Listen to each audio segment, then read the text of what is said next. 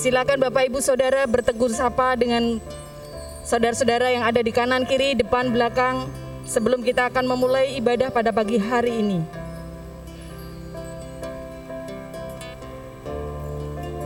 Ya, puji nama Tuhan. Sebelum kita akan memulai ibadah, ada beberapa pengumuman yang harus saya sampaikan. Bapak, ibu, saudara bisa membuka di dalam buletin dan memperhatikan setiap pengumuman-pengumuman yang ada dan teristimewa pengumuman yang pertama pengumuman Minggu 19 Desember tahun 2021 kelas dewasa dan lansia pukul 8 sampai 8.50 di gedung gereja.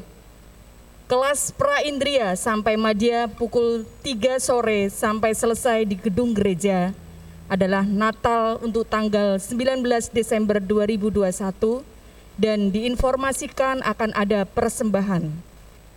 Yang kedua, kotak sosial Natal sudah tersedia di depan. Silakan Bapak Ibu Saudara untuk bisa mengambil bagian dan berpartisipasi untuk mengikuti program aksi sosial Natal berupa sembako. Perlu Bapak Ibu ketahui bahwa aksi sosial ini mengarah kepada hamba-hamba Tuhan yang melayani di gereja kita dan gereja-gereja cabang dan untuk para lansia dan juga jemaat yang sedang sakit dan jemaat yang perlu diperhatikan. Dan kita juga memperhatikan untuk mitra pelayanan kita baik PPA Among Tresno dan untuk guru-guru TK maupun SD dan juga kita memperhatikan para hamba-hamba Tuhan yang sudah emeritus dan istri janda pendeta. Mari Bapak Ibu Saudara silahkan ikut berpartisipasi. Kotak sosial ini dibuka dari tanggal 16 Desember sampai tanggal 21 November sampai 16 Desember 2021. Jika ada Bapak Ibu Saudara yang ingin memberikan berupa uang bisa ditulisi untuk sosial Natal, bisa diberikan kepada gereja maupun saudari kita Hilda sebagai bendahara panitia sosial gereja. Dan yang kedua, ada home konser khusus musik diadakan pada hari Senin 6 Desember 2021 jam 6 tepat di gereja. Mari kita akan memulai ibadah kita. Silakan Bapak Ibu Saudara untuk berdiri, kita bersaat teduh sejenak. Kita persiapkan hati kita untuk mengikuti ibadah pada pagi hari ini. Yesaya 40 ayat 3.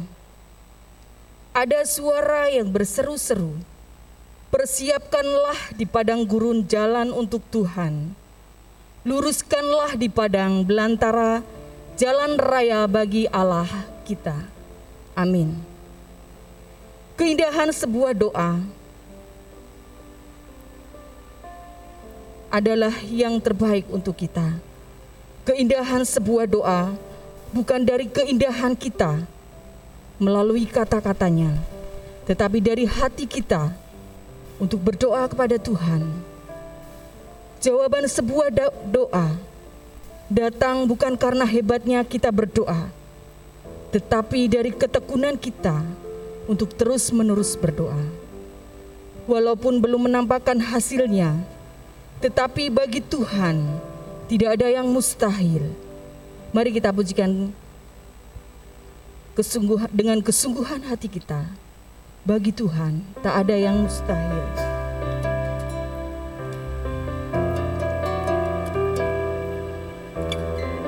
Kita yakin bahwa saat Dia berfirman, "Ku menang." Saat Dia bertindak, hidupku hanya ditentukan oleh Tuhan.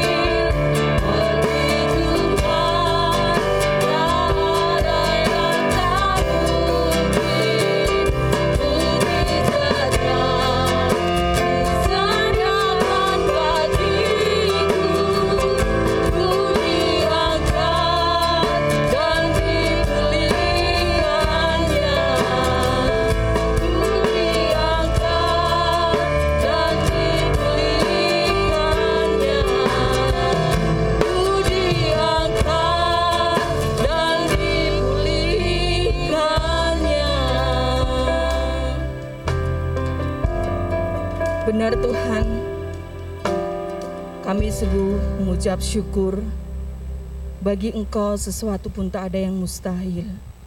Kami bersyukur Tuhan, pada pagi hari ini Tuhan, Engkau sudah memberikan kami kesehatan, Engkau memberikan kami kekuatan, sehingga kami boleh mengikuti ibadah pada pagi hari ini.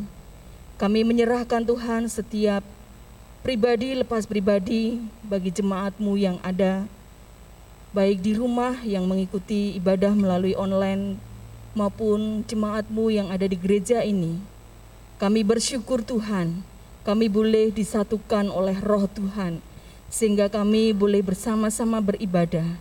Kami menyerahkan hati kami Tuhan, pikiran kami, sehingga kami boleh menikmati ibadah pada pagi hari ini dari awal hingga akhirnya Tuhan, ke dalam tanganmu. Berkati setiap kami anak-anakmu, para petugas yang sudah mengambil bagian di dalamnya.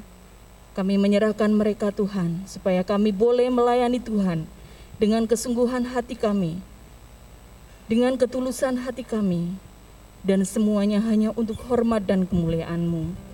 Kami juga berdoa Tuhan untuk hambamu Pendeta Greg yang saat ini akan menyampaikan firman Tuhan biarlah Tuhan Yesus pakai urapi hambamu ini boleh menjadi saluran berkat buat kami dan kami boleh menikmati firman Tuhan ini dan kami sampaikan kepada orang-orang yang ada di sekitar kami. Terima kasih Tuhan, terima kasih. Inilah doa kami Tuhan. Hanya di dalam namamu kami mengucap syukur dan berdoa. Haleluya. Amin. Bapak Ibu dipersilakan untuk duduk kembali.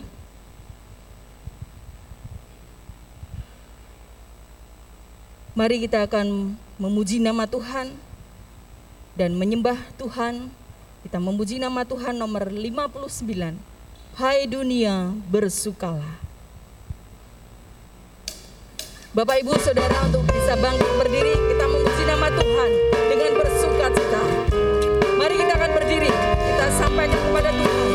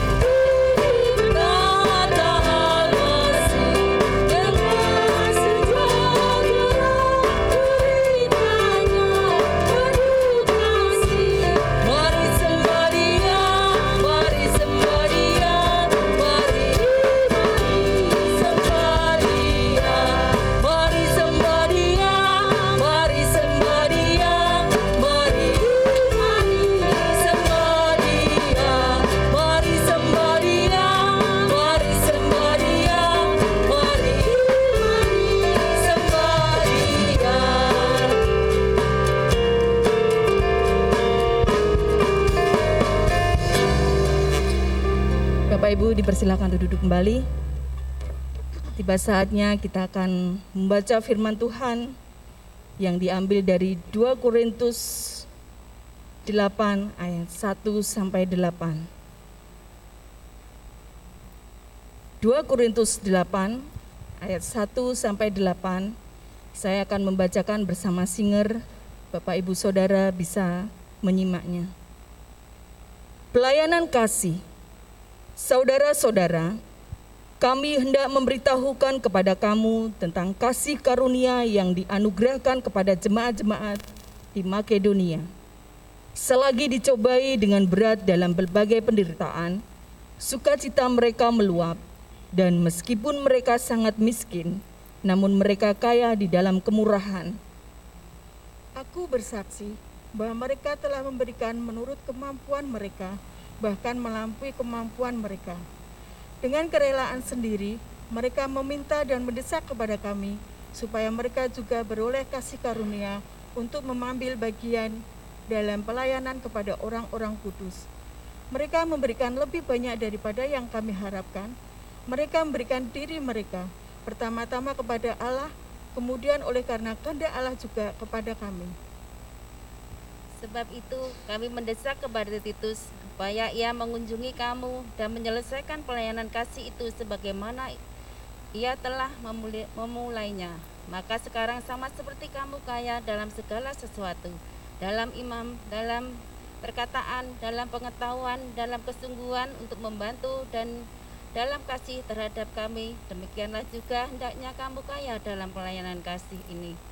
Aku mengatakan hal itu bukan sebagai perintah, melainkan dengan menunjukkan usaha orang-orang lain untuk membantu aku mau menguji keikhlasan kasih kamu. Terima kasih.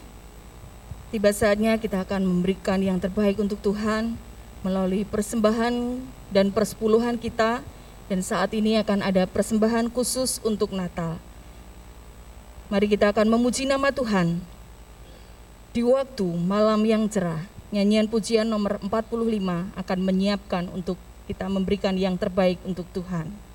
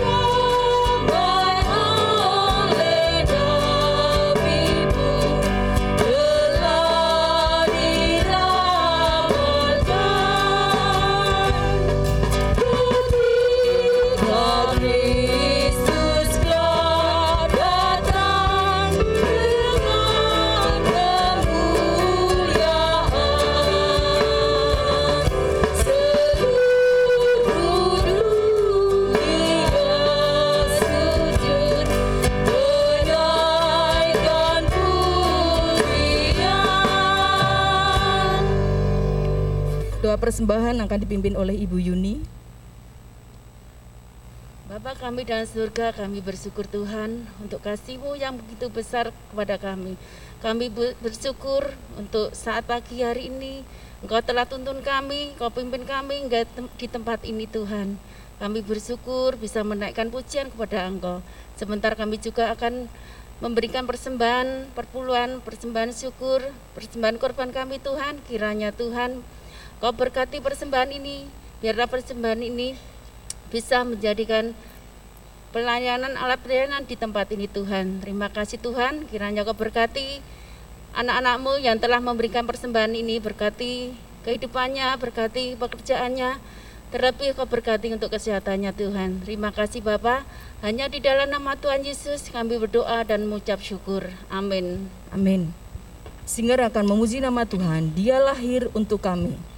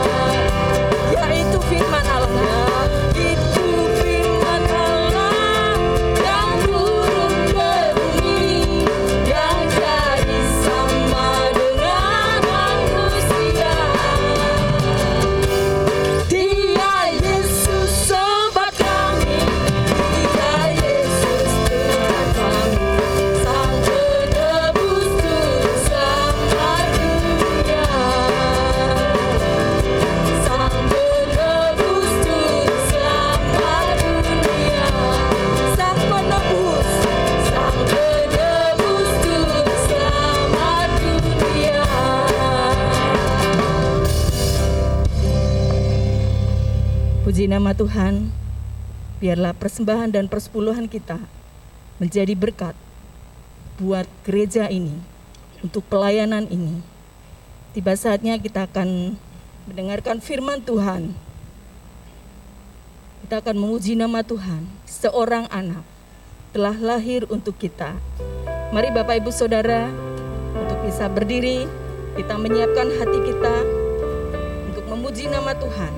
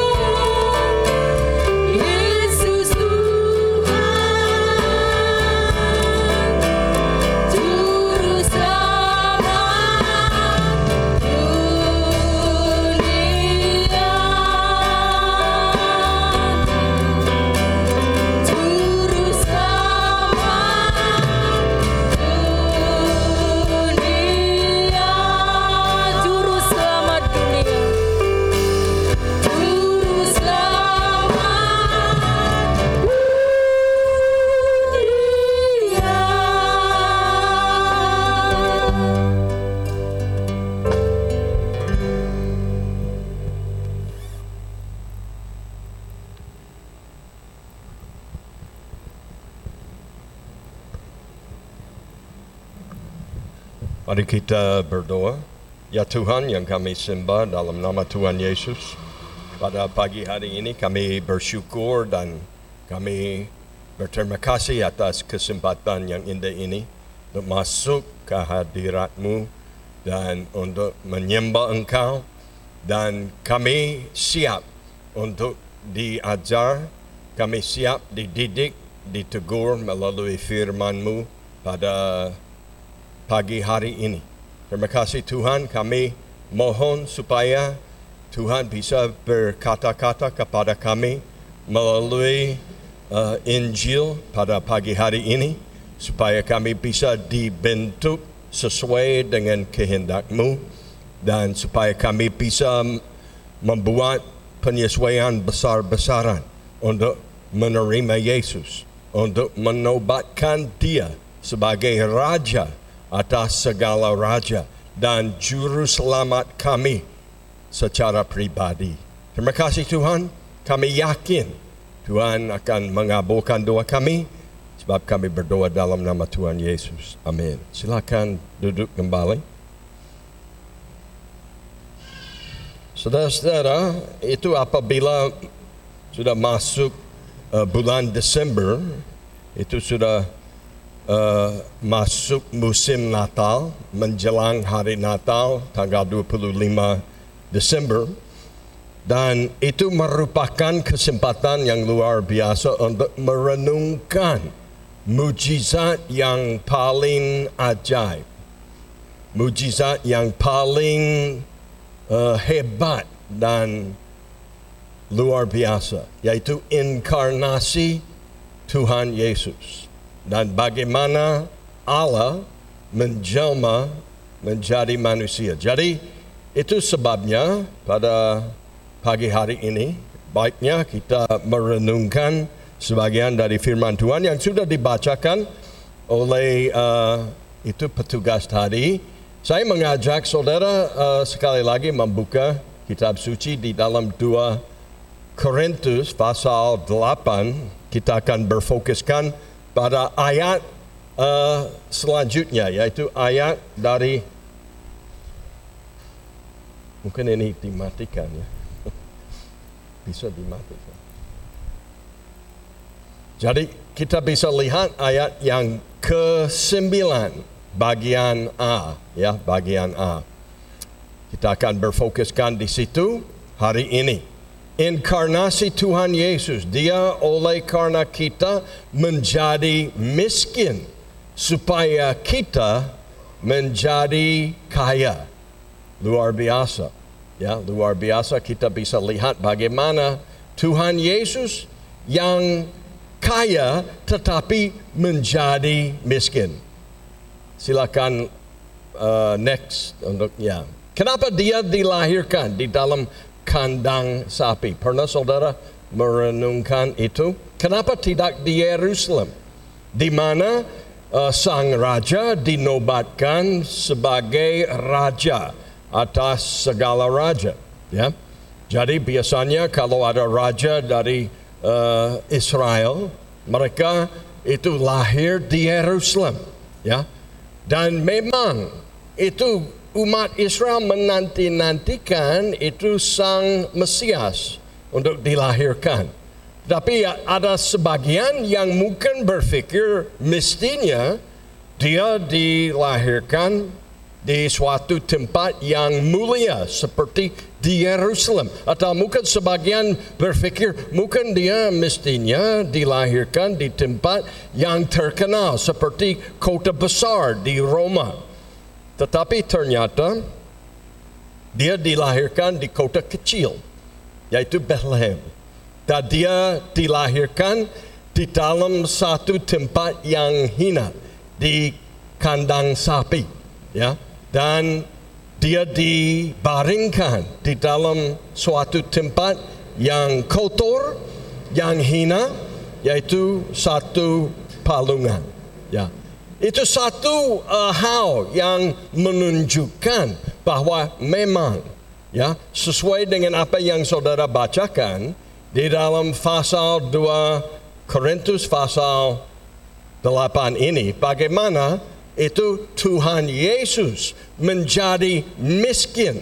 Kenapa dia menjadi miskin? Itu dijelaskan di dalam pasal 8 ayat 9. Sekali lagi mari kita lihat di dalam pasal 8 ayat 9 karena kamu telah mengenal kasih karunia Tuhan kita Yesus Kristus bahwa ia yang oleh karena kamu. Nah itu yang perlu digaris bawahi oleh karena kamu Yesus datang ke dunia ini. Oleh karena dia mengasihi saudara dan saya Begitu besar kasih Allah akan dunia ini sehingga dia mengaruniakan anak tunggalnya supaya dia itu bisa menebuskan ya menebus segala dosa umat manusia ya. Itu sebabnya Yesus datang. Dia meninggalkan itu tempat yang mulia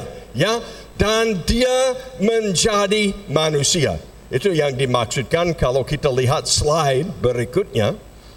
Itu melihat slide berikutnya ini. Paulus menyatakan alasannya dalam dan terus silakan maju. Dia yang kaya menjadi miskin. Maksudnya kaya ya pada mulanya ada firman dan firman itu bersama dengan Allah dan firman itu adalah Allah. Siapa itu? Yaitu Yesus sebelum dia dilahirkan. Ya, dia adalah itu oknum yang kedua di dalam Tritunggal, tetapi dia yang menjadi manusia. Ya. Untuk menjadi miskin. Dia siap untuk menjadi manusia. Jadi menurut Yohanes pasal 1, firman itu menjadi manusia dan berdiam antara kita. Berarti itu Tuhan Yesus, firman kekal itu yang berwujud manusia sudah datang ke dunia ini. Tempat yang kotor dia dibaringkan di dalam palungan itu. Sebagai simbol ya, bukan hanya simbol saja, tapi itu simbol bahwa itu Allah yang maha tinggi rela untuk datang ke dunia ini untuk menebus dosa umat manusia. Kalau kita lihat kembali lagi ya ke ayat yang ke-9 bagian B yaitu menyatakan yang oleh karena kamu menjadi miskin sekalipun dia kaya. Ya sekalipun ia kaya. Maksudnya dulu dia menikmati kemuliaan di surga ya wajahnya bersinar lebih daripada matahari. Ya, dia itu bersama-sama dengan Allah Bapa di surga. Tetapi dia rela datang ke dunia ini untuk menjadi manusia supaya sebagai anak tunggalnya Allah Bapa dia bisa melaksanakan tugas yang Allah Bapa percayakan kepada dia. Apa itu? Ya, penebusan dosa umat manusia. Ya. J.I. Packer, dia seorang ahli uh, dalam perjanjian baru mengatakan bahwa mungkin yang paling sulit untuk memahami dari segala mujizat Yesus adalah inkarnasi. Ya. Sebenarnya untuk saya membayangkan Yesus memberi makan kepada 5000 orang, wah agak sulit membayangkan itu ya juga. Atau Yesus membuka mata orang yang buta. Apakah pernah membayangkan tentang itu? Bagaimana caranya? Atau Yesus bangkit dari antara orang mati? Itu sulit dipahami ya, sulit dibayangkan. Tetapi kalau kita bisa memahami dan menerima tentang apa? Mujizat ini tentang inkarnasi, J.I. Packer mengatakan itu kalau kami bisa menerima bahwa Allah menjadi manusia yang berwujud itu manusia itu yaitu di dalam diri seorang yang bernama Yesus dari Nazaret. Kita bisa menerima segala mujizat yang dia buat ya gampang sekali kalau kita percaya bahwa Yesus ya, itu adalah Allah yang berwujud manusia. Mari kita lihat bagaimana dia itu menjadi miskin, ya. Kalau kita lihat dari Filipi, coba lihat dari surat Paulus kepada jemaat di Filipi itu lebih jelas lagi. Lebih jelas lagi dalam pasal 2 dari Filipi pasal 2 mulai dengan ayat 6. Coba lihat apa yang dikatakan oleh oleh Paulus tentang Yesus dan bagaimana dia turun dari surga. Ya, dia turun dari tempat yang mulia, yang tinggi, dan dia menjadi manusia. Dia di menjelaskan dengan dengan baik di dalam ayat 6. Coba lihat. Yang walaupun dalam rupa Allah tidak menganggap kesetaraan dengan Allah itu sebagai milik yang harus dipertahankan. Melainkan telah mengosongkan dirinya sendiri dan mengambil rupa seorang hamba dan menjadi sama dengan manusia. Ayat 8. Dan dalam keadaan sebagai manusia ia telah merendahkan dirinya dan taat sampai mati bahkan sampai mati di kayu salib. Itu maksudnya dia itu yang kaya menjadi miskin oleh karena saudara dan saya. Ya. Oleh karena kasihnya. Ya. Dia siap meninggalkan takhta yang mulia itu, mengosongkan dirinya sendiri dan menjadi manusia. Siap dibaringkan di dalam palungan tempat yang hina. Siap mati tersalib, ya, menderita, menghadapi berbagai macam kesengsaraan. Dia siap menurun ke tempat yang paling rendah dia merendahkan dirinya. Karena begitu besar kasih Allah akan dunia ini sehingga dia mengaruniakan anak tunggalnya supaya orang yang percaya kepada dia tidak binasa melainkan beroleh hidup yang kekal. Itu maksud Natal itu. Bahwa Allah siap meninggalkan itu tempat yang mulia itu ketika Yesus menjadi manusia, dia itu meninggalkan itu uh, meninggalkan kemuliaan, ya, karena dia siap menjadi manusia. Tetapi jangan lupa dia tidak mengesampingkan itu kuasa uh, dari atau kekuasaan ilahinya ketika dia menjadi manusia. Dia tidak itu mengesampingkan itu kuasa dari atribut-atribut dia atau tidak meninggalkan kuasa dari sifat-sifatnya. Tetapi dia itu mengosongkan diri maksudnya dia siap meninggalkan kemuliaan untuk sementara supaya dia bisa melaksanakan tugas yang besar itu, yaitu menebus dosa umat manusia. Mari kita lihat yang berikutnya. Dengan menjadi miskin, kita menjadi kaya. Nah, luar biasa itu ya. Ada ajaran teologi yang uh, yang salah, yang tersebar ke mana-mana, baik di Amerika, di Indonesia, dan di mana-mana. Itu teologi kemakmuran yang mengajarkan kalau percaya kepada Yesus bisa menjadi kaya. Nah, memang di dalam bacaan firman Tuhan ini menyatakan bahwa oleh karena dia menjadi miskin, ya, kita menjadi kaya. Maksud Paulus itu dijelaskan itu di dalam itu ayat sebelumnya. Maksudnya kaya itu. Menjadi kaya itu banyak orang itu kalau mendengar itu mungkin motivasi mengikuti Yesus itu salah ya, keliru. Ya, mereka itu banyak yang mungkin ke gereja minta diberkati terus menerus sehingga motivasinya tidak benar. Ya, tidak itu uh, ada itu keikhlasan. Tapi itu dijelaskan di dalam ayat coba lihat ayat 7. Ayat 7. Ayat 7 kembali ke pasal 8 itu menyatakan maka sekarang sama seperti kamu kaya dalam segala sesuatu ya. Nah dia akan menjelaskan segala sesuatu di situ ya.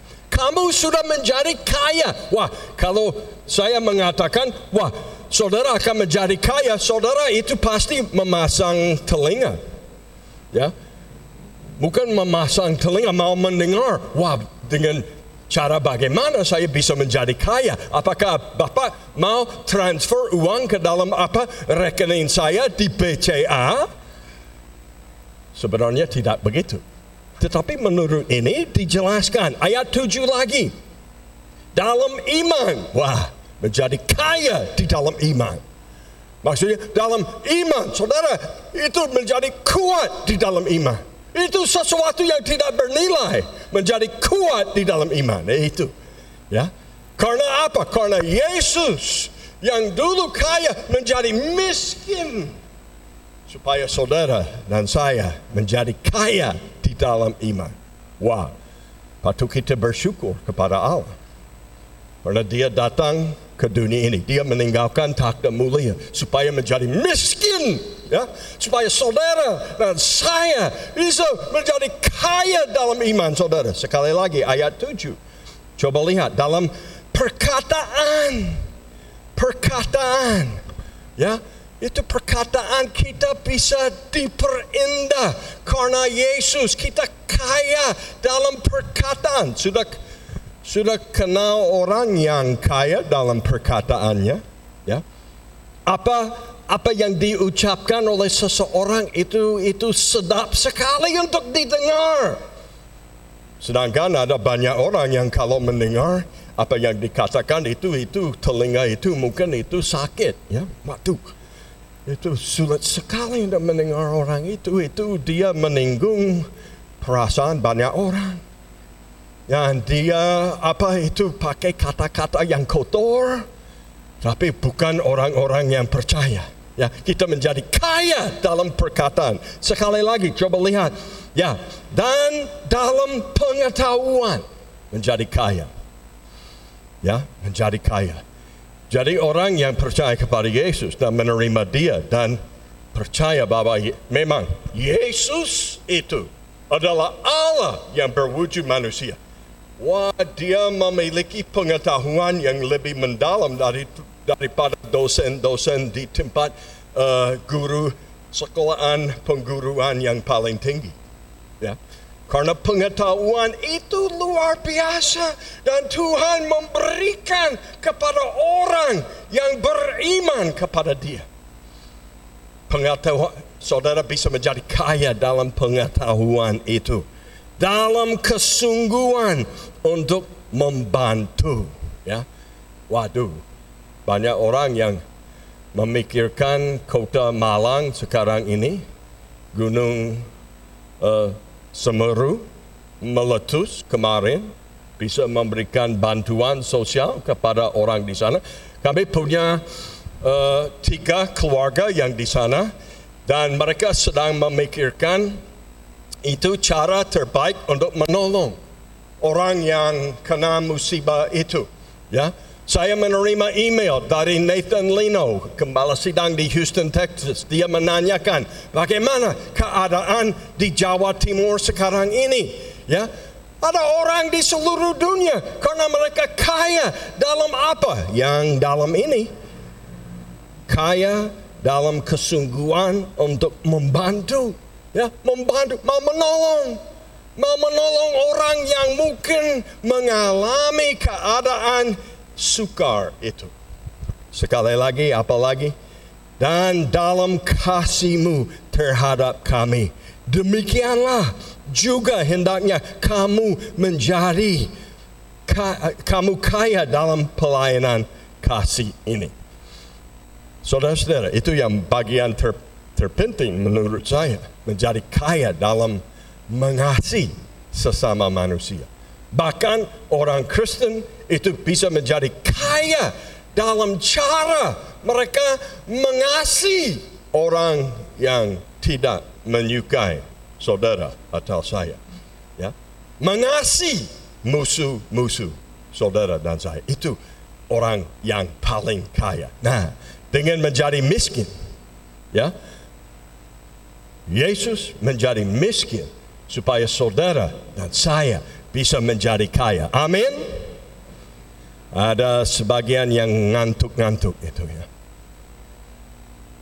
Wah itu luar biasa ya, menjadi miskin. Karena saudara dan saya, supaya saudara dan saya bisa menjadi kaya dalam pengetahuan, dalam kasih, dalam memberi bantuan kepada orang, ya, di dalam segala hal seperti yang disebutkan di dalam ayat 7 itu penting sekali. Coba lihat gambar ini. Wah, ini kartu Natal ya. Dan kalau saya lihat ini, sudah sudah tahu malaikat-malaikat, ada Maria, ada gembala-gembala, ada orang majus yang menyembah itu bayi itu. Luar biasa.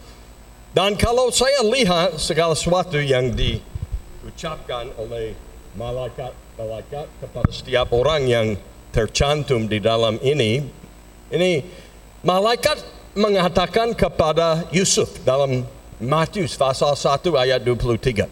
Sesungguhnya anak darah itu akan mengandung dan melahirkan seorang anak laki-laki dan mereka akan menamakan dia Immanuel yang yang berarti Allah menyertai kita. Jelas.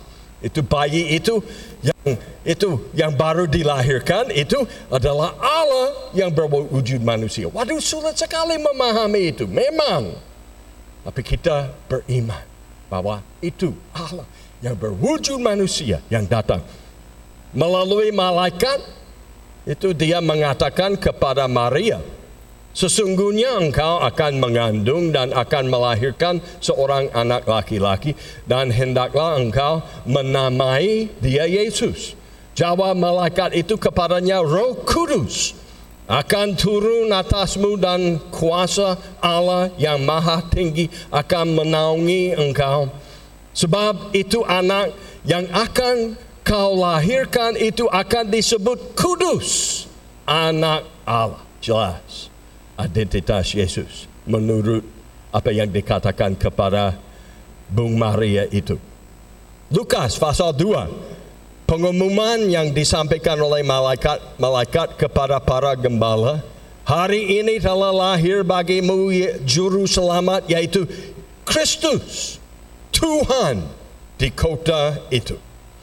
Malaikat-malaikat itu setelah mengucapkan itu Lalu para gembala cepat cepat berangkat dan menjumpai Maria dan Yusuf dan bayi itu yang sedang berbaring di dalam palungan. Dan dalam Matius pasal 2 ayat 11, maka masuklah mereka, tiga orang majus. Asmani pun senten mereka.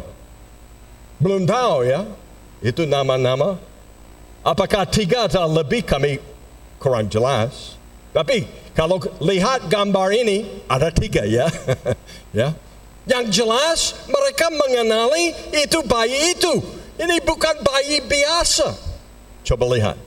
Maka masuklah mereka ke dalam rumah itu dan melihat anak itu bersama Maria, ibunya, dan sujud menyembah dia. Mereka pun membuka tempat harta bendanya dan mempersembahkan persembahan kepadanya yaitu emas, kemenyan dan mur. Nah saudara-saudara, semua ayat yang baru saya sampaikan dan bacakan itu menyatakan bahwa itu jelas. Mereka sudah mengenal bayi itu bukan bayi biasa. Memang dia anak yang baru dilahirkan itu manusia, tapi manusia yang tidak pernah berbuat dosa. Itu sebabnya dia bisa menye, menye, mempersembahkan dirinya sebagai korban agung. Karena Yesus datang untuk menebus dosa manusia. Bagaimana manusia bisa mengangkut dosa umat manusia? Saya kira mustahil. Tetapi karena Yesus adalah Allah yang berwujud manusia, dan dia manusia 100% dan tidak pernah berbuat dosa, makanya dia bisa mempersembahkan dirinya di atas kayu salib. Dan dengan demikian itu bisa menebus dosa umat manusia, bisa mengubah hati dan sifat saudara mengalami kelahiran baru itu. Silakan melanjutkan ke yang terakhir. Yang terakhir itu kalau lihat ayat-ayat sebelumnya yang dibacakan oleh para petugas tadi, orang Makedonia itu latar belakang dari bacaan ini, orang Makedonia miskin sekali. Miskin. Ya. Sebenarnya kalau orang Makedonia, ya termasuk uh, Thessalonica, uh, orang Filipi, Beria, ya, tiga tempat yang dilayani Paulus, kalau melihat mereka, mereka di bawah garis kemiskinan. Tetapi mereka walaupun miskin terdorong untuk meniru apa yang dilakukan oleh Yesus. Tiga hal yang perlu saudara perhatikan di dalam ayat 1 sampai ayat 5. Yang pertama-tama ya terlihat di dalam ayat kedua. Ya, Selagi dicobai dengan berat dalam berbagai penderitaan, sukacita mereka meluap dan meskipun mereka sangat miskin, bukan miskin sedikit, sangat miskin, ya. Mereka itu namun mereka kaya dalam apa itu?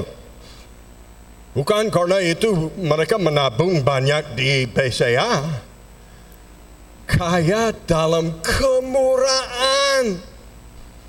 Itu yang pertama. Yang kedua, luar biasa terlihat di dalam ayat 5. Mereka memberikan lebih banyak daripada yang kami harapkan. Ya, itu yang kedua. Karena Paulus minta persembahan. Ya, dia minta sumbangan dari gereja-gereja dan walaupun orang Makedonia itu itu dari dari kalau ditinjau dari sudut itu kemampuan mereka orang miskin sekali. Namun mereka siap memberi. Ya, siap, senang, bersuka cita. Bukan seperti banyak orang di gereja kalau itu saatnya itu kantong di putarkan waktu lagi-lagi ada persembahan. ya. Lagi-lagi itu Bapak Pendeta minta itu kontribusi lagi. Mereka tidak begitu. Walaupun miskin. Tapi mereka bersuka cita. Kesempatan untuk memberi. Yang terakhir, kenapa begitu?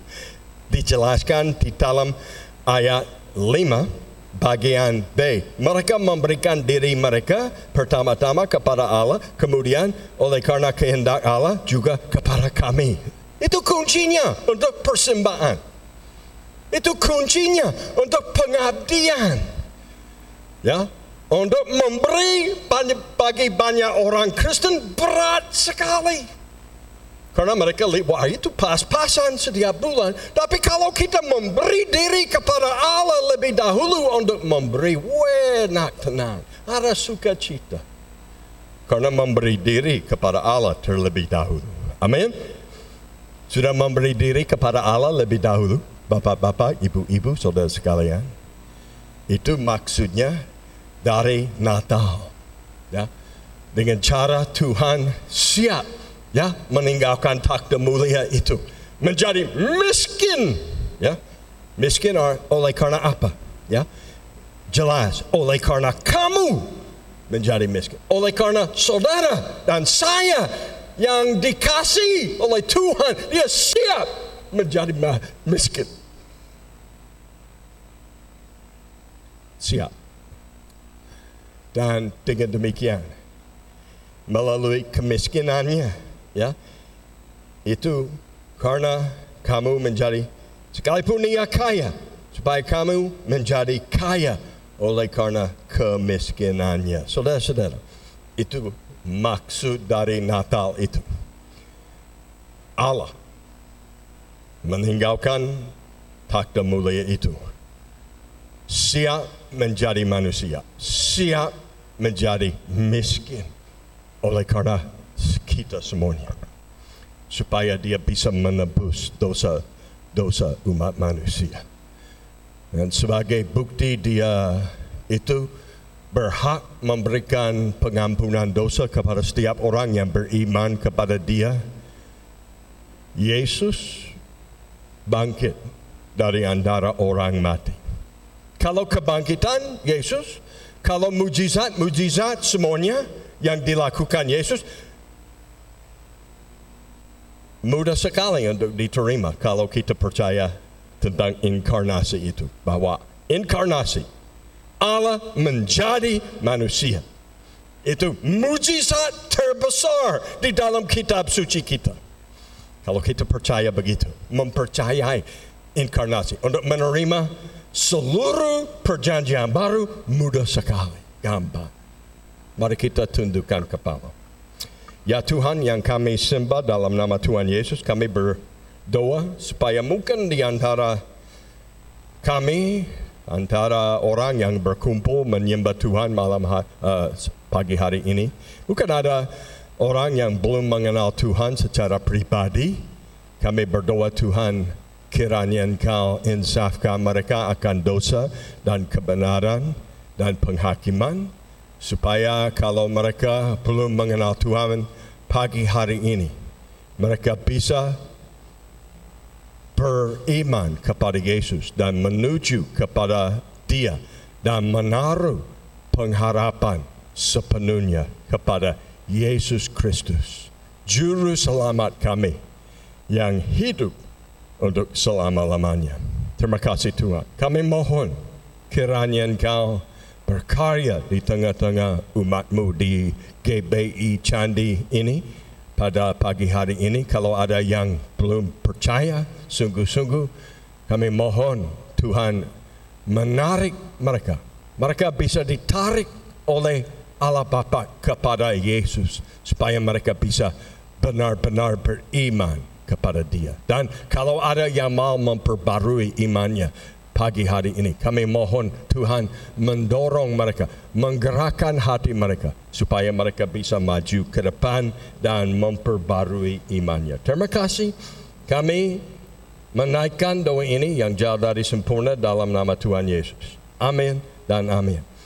Kami sudah sampai ke uh, acara nyanyian pujian, undangan dan Bapak Pendeta Eko akan melanjutkan dan ini kesempatan buat saudara sekalian menanggapi firman Tuhan yang baru disampaikan hambanya. Kalau saudara tergerak dan mau memperbarui imannya, silakan. Itu menanggapi firman dengan iman. Terima kasih. Sementara diiringi musik, saudara-saudara mungkin ada yang ingin untuk mengambil komitmen untuk percaya kepada Tuhan sebagai Tuhan dan Juru Selamat hidup Anda Silahkan ada pendeta Greg, ada pendeta Bayu, bisa berdoa untuk saudara-saudara, pergumulan Anda, silahkan saudara-saudara. Saya berikan beberapa saat komitmen dan kita bisa berdoa bersama. Sementara setiap Anda bisa berdoa kepada Tuhan, berinteraksi dengan Roh Kudus biar Anda bisa memberi hidup Anda kepada Tuhan yang pertama-tama dan kemudian bisa juga memberi hidup Anda kepada kehidupan ini, kepada orang-orang yang Tuhan tempatkan di sekitar hidup Anda, agar Tuhan saja yang dipermuliakan.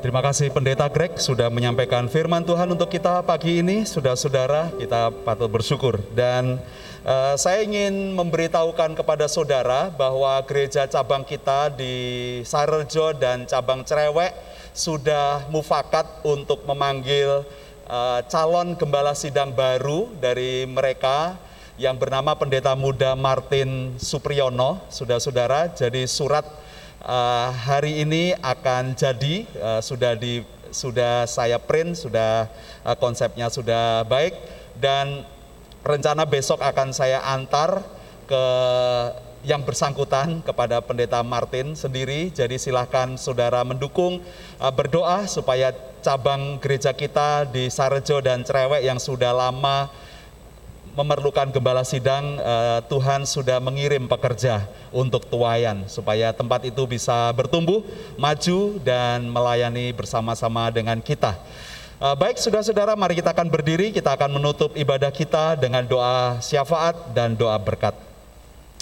Bapa di dalam surga, secara khusus kami berdoa untuk daerah di uh, sekitar Gunung Semeru karena kemarin erupsi dan uh, banyak uh, memakan uh, korban secara material dan beberapa uh, orang yang sudah diketahui meninggal dunia dan desa-desa, tempat-tempat jalan-jalan, alat-alat transportasi dan orang-orang pekerja uh, tambang pasir yang masih belum ditemukan. Kami mohon kepadamu Tuhan penghiburan dan kekuatan di tengah-tengah masa pandemi dengan berbagai macam bencana yang ada, bencana alam, tetapi kami bisa tetap bergantung kepada Tuhan dan memohon kekuatan dan perlindungan daripada Tuhan. Dan biarlah kami juga gereja Tuhan bisa ambil bagian di dalam kesulitan uh, saudara-saudara kami di uh, Lumajang, di Malang, di daerah sekitar uh, Semeru dengan berkoordinasi dengan gereja-gereja lain supaya kami bisa mengambil bagian dan berkontribusi untuk penderitaan dan bisa membantu meringankan beban bagi saudara-saudara kami yang tertimpa dengan uh, kesulitan dan bencana. Terima kasih Tuhan. Kami mohon kepadamu biarlah kami terus diberkati supaya kami bisa menjadi saluran berkat yang baik agar nama Tuhan dipermuliakan. Berkatilah terus para pemimpin-pemimpin kami yang memimpin bangsa kami, memimpin semua rakyat Indonesia di masa pandemi ini dengan keputusan dan program kebijakan strategis yang mereka ambil supaya uh, sungguh kami dapat keluar dari masa pandemi dengan menang dan kami sebagai gereja gereja Tuhan bisa ikut ambil bagian juga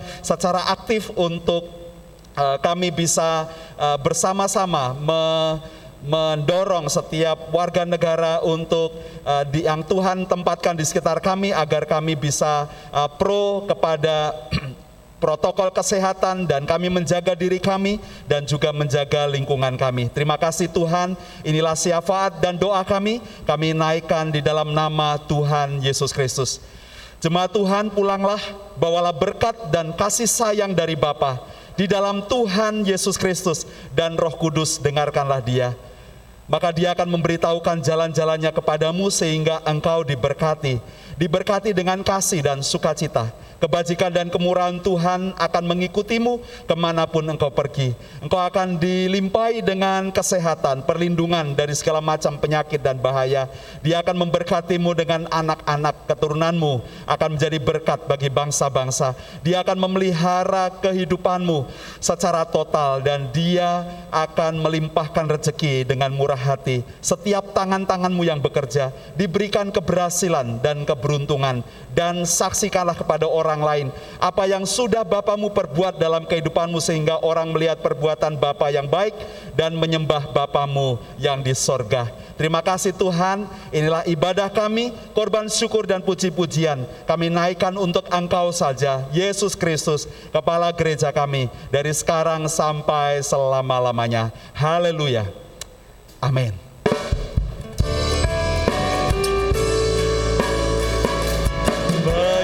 Bye.